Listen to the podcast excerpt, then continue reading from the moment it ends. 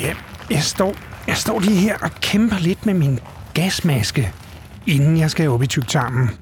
For her lugter altså ret fælt. Og det føles ligesom at sjosk rundt i, hjem for at sige det som det er, noget værre lort.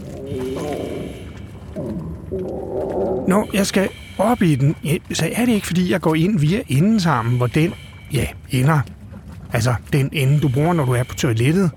Men der er vi slet ikke nået til endnu. Faktisk går det opad, der hvor tyktarmen overtager fra tyndtarmen. Dens job, altså tyktarmens, det er at optage vand og salte, så intet går til spil. Samtidig danner den ud af vandet og saltene en slim, der gør det lettere at flytte det sidste og nu ganske faste tarmindhold, så det til sidst kan transporteres ud af endetarmen, når du sidder der på toilettet.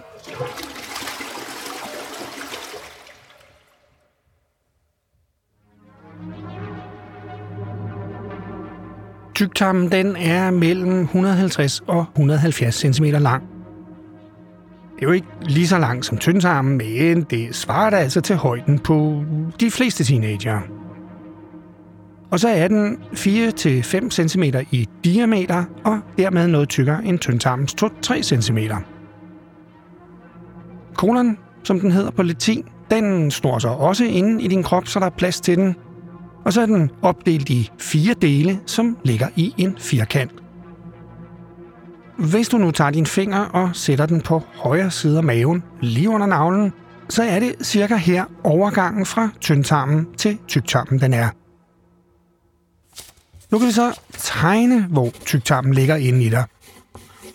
Første del går fra der, hvor du har din finger, altså på højre side af maven, lige under navlen, og så lige op til under højre brystkasse. Anden del går derfra lige hen til under venstre side af brystkassen, og så skal vi nedad, bare nedad i en lige linje. Det er så tredje led, og så til sidst ind mod midten i en C-form, så vi slutter lige under navlen, hvor den sidste del af tarmsystemet er. Og det er faktisk endetarmen, en slags 15 cm rør, der går lige ned og slutter med den ringmuskel, jeg snakkede om lige før. Ligesom Pylorus op ved mavesækken er det en svingster, altså lidt ligesom en meget kraftig elastik, der sidder rundt om den aller sidste del af endetarmen. Det, det vil sige slutningen på hele fordøjelsessystemet. Heldigvis så kan du selv styre, hvornår du åbner for den. Ja, for at sige det lige ud, at du kan skide.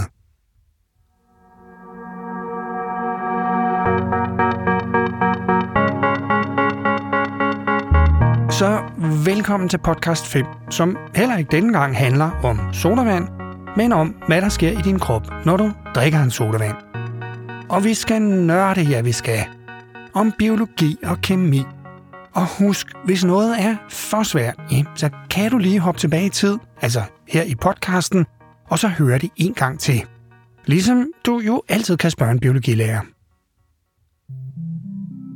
Podcasten er lavet sammen med Videnskabsår 22.dk og Niels Bohr Instituttet på Københavns Universitet. Og det er ret spændende med det der Niels Bohr Institut. For eksempel læste jeg om, hvordan Asbjørn er opdagelsesrejsende i kvantemekanismens vilde verden. Wow, ikke? Jeg har lagt et link i shownote op på Facebook, så, så kan du selv læse om det. Og hvis den tekst den er for svær, så spørg din fysiklærer.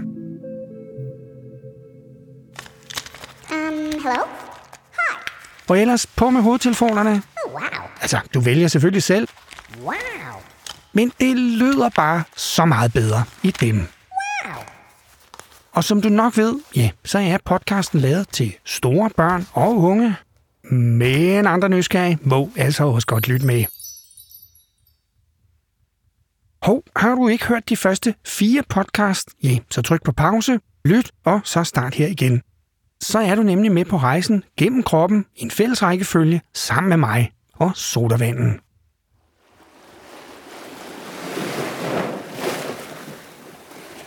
Nå, men tilbage til tyktarmen, som er opbygget på en ret speciel måde. Tarmvæggen, ja, den består nemlig af en slags ringformet muskulatur, der er med til at blande og transportere tarmindholdet fremad. Den laver både de peristaltiske bevægelser, som jeg blandt andet talte om i podcasten om spiserøret. Men kan også lave nogle ret insisterende, bølgelignende sammentrækninger, sådan cirka 3-4 gange om dagen. Og så sker det, alle kender. Maven knurrer, mm, eller rumler. Og det, og det gør det, mm, fordi dit fordøjelsessystem forsøger at skubbe både sodavanden mm, og især maden, for eksempel robotsmaden, gennem tyktarmen. Også gasserne i din tarm kan larme, igen som nogle af de der interessante lyde, du hører, når maven knurrer. Og som sagt, det er helt naturligt, og du kender det garanteret for dig selv og alle andre. For det er der gasser i din tyktarm. For eksempel lidt koldioxid fra sodavanden og metan fra de bakterier, du snart skal høre om.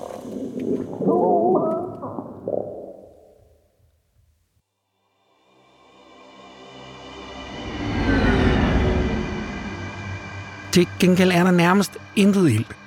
Derfor har jeg nu skiftet til en rumdragt, for uden den, så kan jeg slet ikke trække vejret. Ligesom har altså også lugter både meget naturligt, men også meget skarpt. Tygtarmens gasser, ja, de kommer oftest fra nogle venner, som bor her, og som hjælper os med at sakse de sidste kulhydrater og producere vitaminer. Det er milliarder og atter af milliarder af bakterier. Og mens de sakser om til gode næringsstoffer, ja, så producerer de altså også lidt gas, blandt andet med svovlforbindelser. Og det er de her svovlforbindelser, der nogle gange lugter ret fælt, når du mm, eller andre slår en brud. Men vores bakterievenner, ja, dem skal jeg nok finde tilbage til. Jeg vil først lige fortælle lidt mere om, hvordan tyktarmen er bygget, så den bedst muligt kan gøre det, den skal, nemlig at optage salte, vitaminer, det aller sidste vand, sakse og optage de sidste kulhydrater. Indersiden af tyktarmen er, ligesom resten af tarmsystemet, dækket af en slimhinde med nogle helt specielle celler, som gør, at tyktarmen har nemmere ved at skubbe den sidste mad fremad. Den slim, som jeg også nævnte i starten af podcasten, den vil jeg gerne lige nørde lidt mere om. Den er lavet af kulhydrater og proteiner, og cellerne, som danner slimen, ja, de kaldes for bagerceller. De sidder, altså de der bagerceller, mellem de her firkantede epitelceller, som jeg fortalte om i den podcast med tyndtarmen. Bagerceller, ja, det hedder de, fordi de er formet som et bager. Og den del, der vender ind mod tyktarmen, ja, den er pustet op ligesom en ballon, og så er den fyldt med slim, som altså kommer ud af de her bæreceller. Og den slim er ret smart, fordi udover at hjælpe med at skubbe tarmindholdet fremad, ja, så beskytter den også tarmens overflade.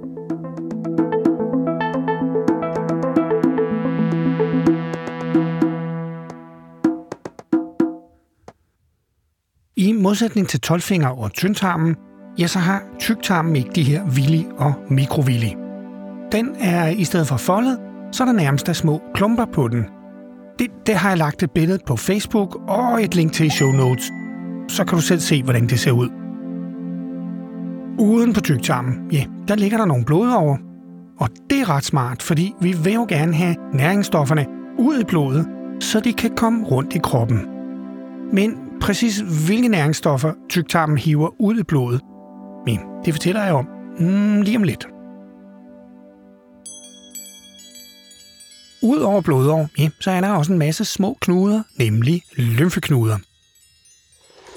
De ligger som pærne på en snor langs tyktarmen, og snoren, som forbinder dem, ja, den kaldes for lymfekar.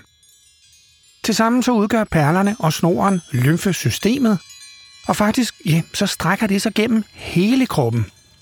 Men lymfesystemet, der løber langs tyktarmen, ja, det har den super vigtige opgave at hive vand fra tyktarmen og over i blodet.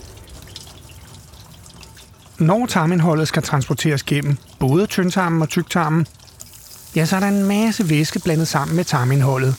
Både fra sodavanden, men også fra spytkirtlerne, galleblæren, bugspytkirtlen og de celler, der producerer slim. Det meste af den væske, ja, det bliver optaget allerede i tyndtarmen. Men der er stadig noget af væsken tilbage her i tyktarmen, og det skal vi altså have hævet ud. Fordi væske er nemlig super vigtig for de sådan cirka 100 billioner celler, du har i kroppen. Det er 100.000 milliarder celler, hvilket er så mange, at det nærmest er fuldstændig umuligt at forstå. Og med så mange celler, ja, så siger det jo sig selv, at det bare er så vigtigt at få så meget væske som overhovedet muligt ud. Og det, ja, det står lymfesystemet for. Når de så har hævet alt det væske, de overhovedet kan ud af tarmen, ja, så skal vi have det over i blodet. Det sker ved, at de bitte små lymfekar løber sammen med en masse andre, som så bliver til større lymfekar.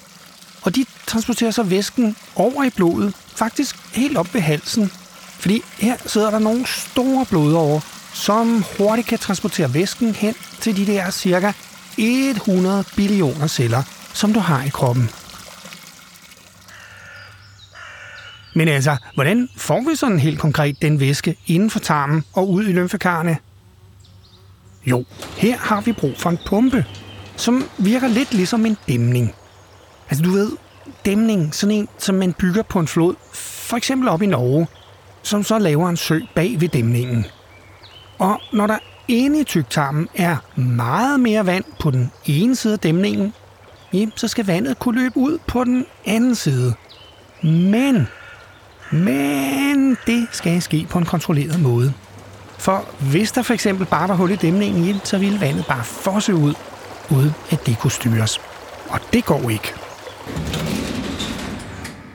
Så dæmningen sørger altså for, at den ekstra væske inde i tarmen kommer ud på den anden side af tarmen på en stille og rolig måde, så lymfekarrene kan samle det sammen og sende det videre ud i blodet. Jo, her, her sjosker jeg stadig rundt i min rumdragt, fordi nu er jeg på vej hen til de venner, som jeg nævnte tidligere. Altså dem, der lever i vores tyktarm, nemlig bakterier. Der er faktisk flere bakterieceller i din krop, end der er i dine egne celler. Og okay, det lyder helt vanvittigt, men prøv lige at spørge en biologilærer om det. det. Det er bare så vildt med de der bakterier. Jo, men de bakterier, vi har i tarmen, de kaldes for vores tarmmikrobiom. Og de er faktisk meget vigtige. De hjælper dig blandt andet med at styre hormoner, altså for eksempel insulin og glukagon, men det fortæller jeg om i næste podcast.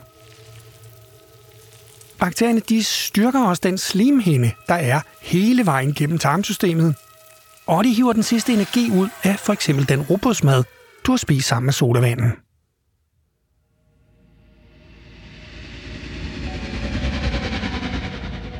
Det her tarmmikrobiom, det er næsten som en hel galakse. Det består af vanvittigt store mængder af bakterieceller, der hjælper hinanden og tarmen til at arbejde med alt det, der er inde i tarmen. For selvom både munden, mavesækken, tolvfingertarmen og tyndtarmen har arbejdet hårdt med at tykke og sakse i små stykker for at hive al næring ud af sodavanden og især robotsmaden, ja, så er der altså stadig nogle kulhydrater, som enten har gemt sig for enzymerne, altså du ved, de der mikro, mikro, mikro små biologiske sakse, eller som simpelthen er for svære at sakse i stykker. Det kan bakterierne til gengæld. De kan nemlig nedbryde de her, mm, hvad skal jeg sige, besværlige kulhydrater ved en proces, der hedder fermentering. Faktisk har jeg lavet en podcast om det, der hedder Hvad er fermentering? Kan du også finde i din podcast-app, hvis du vil vide mere om fermentering.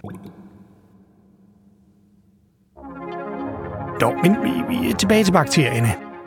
De kan altså sakse de her besværlige kulhydrater ved den der proces, der hedder fermentering. De her kulhydrater, der er kommet hele vejen ned til tyktarmen, uden at blive sakset i stykker, ja, de er faktisk fiber. Og dem er der rigtig mange af i din robrødsmad, mm, eller en gulerod. Men når de når tygtarmen, så er der altså nogle bakterier, der siger, mm, mad? For det er de nemlig for nogle af bakterierne. De sakser så fiberne, så de omdannes til forskellige kortkædede fedtsyre, blandt andet smørsyre. Og selvom det måske ikke lyder af noget særligt, ja, så kan smørsyre faktisk lidt af hvert. Så vidt vi ved, ja, så er de både mad for nogle af tyktarmens bakterier, ligesom den hjælper epitelcellerne med at dele sig. Faktisk er man også pænt sikker på, i, i hvert fald her i starten af 2020'erne, at smørsyre hjælper dig mod at få kraft, hvilket jo er rigtig godt. Det er også derfor, de har ret, når du hører det der med, at du skal spise dine grøntsager. For eksempel gulerod, broccoli, bønner mm, eller selleri. For det er blandt andet fra dem, du får de her mm, besværlige kulhydrater, der så sakses til smørsyre af din bakteriekæledyr, og som er super godt for dig, altså hvis du gerne vil være sund og rask og alt det der. Og som om det ikke er nok, ja, så sørger smørsyren også for, at nogle af de farlige bakterier, som lever i din tyktarm, ikke kan komme igennem tarmvæggen og ud i blodet. Det, det, det kan du nemlig også blive syg af. Så tak for det. For selvom smørsyre altså bare er en af de kortkædede fedtsyre, som dit tarmmikrobiom laver ud af de der ellers ufordøjelige fibre, altså dem, jeg har kaldt de besværlige kulhydrater, ja, så tænker jeg i hvert fald, tusind tak for hjælpen, kære små venner derinde i tyktarmen.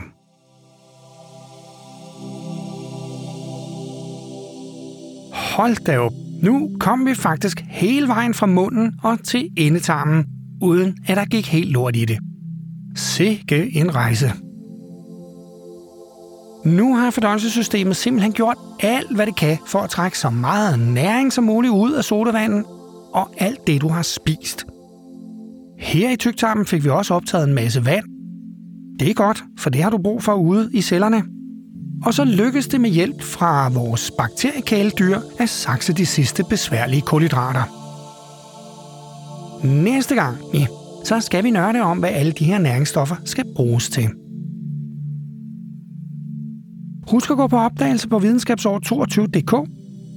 For eksempel ligger der en YouTube, hvor du kan tage med på tur på den blå planet. Ligesom du jo altid kan spørge en, der ved en masse om naturvidenskab. Og måske få hende til at fortælle dig om det, fordi faktisk, ja, så elsker de fleste at fortælle om deres nørdede viden.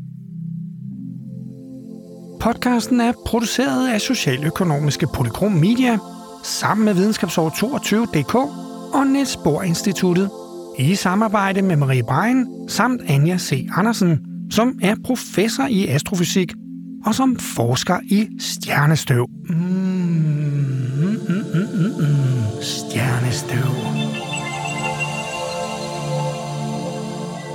Ligesom den er finansieret af midler fra Vilumfonden, Novo Nordisk Fonden, Bitten og Mads Clausens Fond, samt Paul Due Jensens Fond. Tusind tak for det.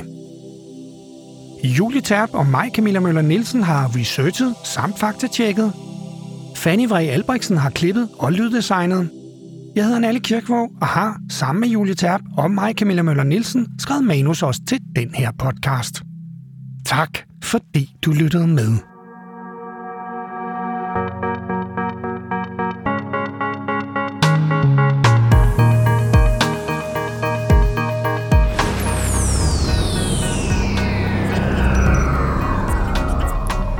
Naturligvis. Og det er jo noget af det, vi vil undersøge. Ja, lige netop.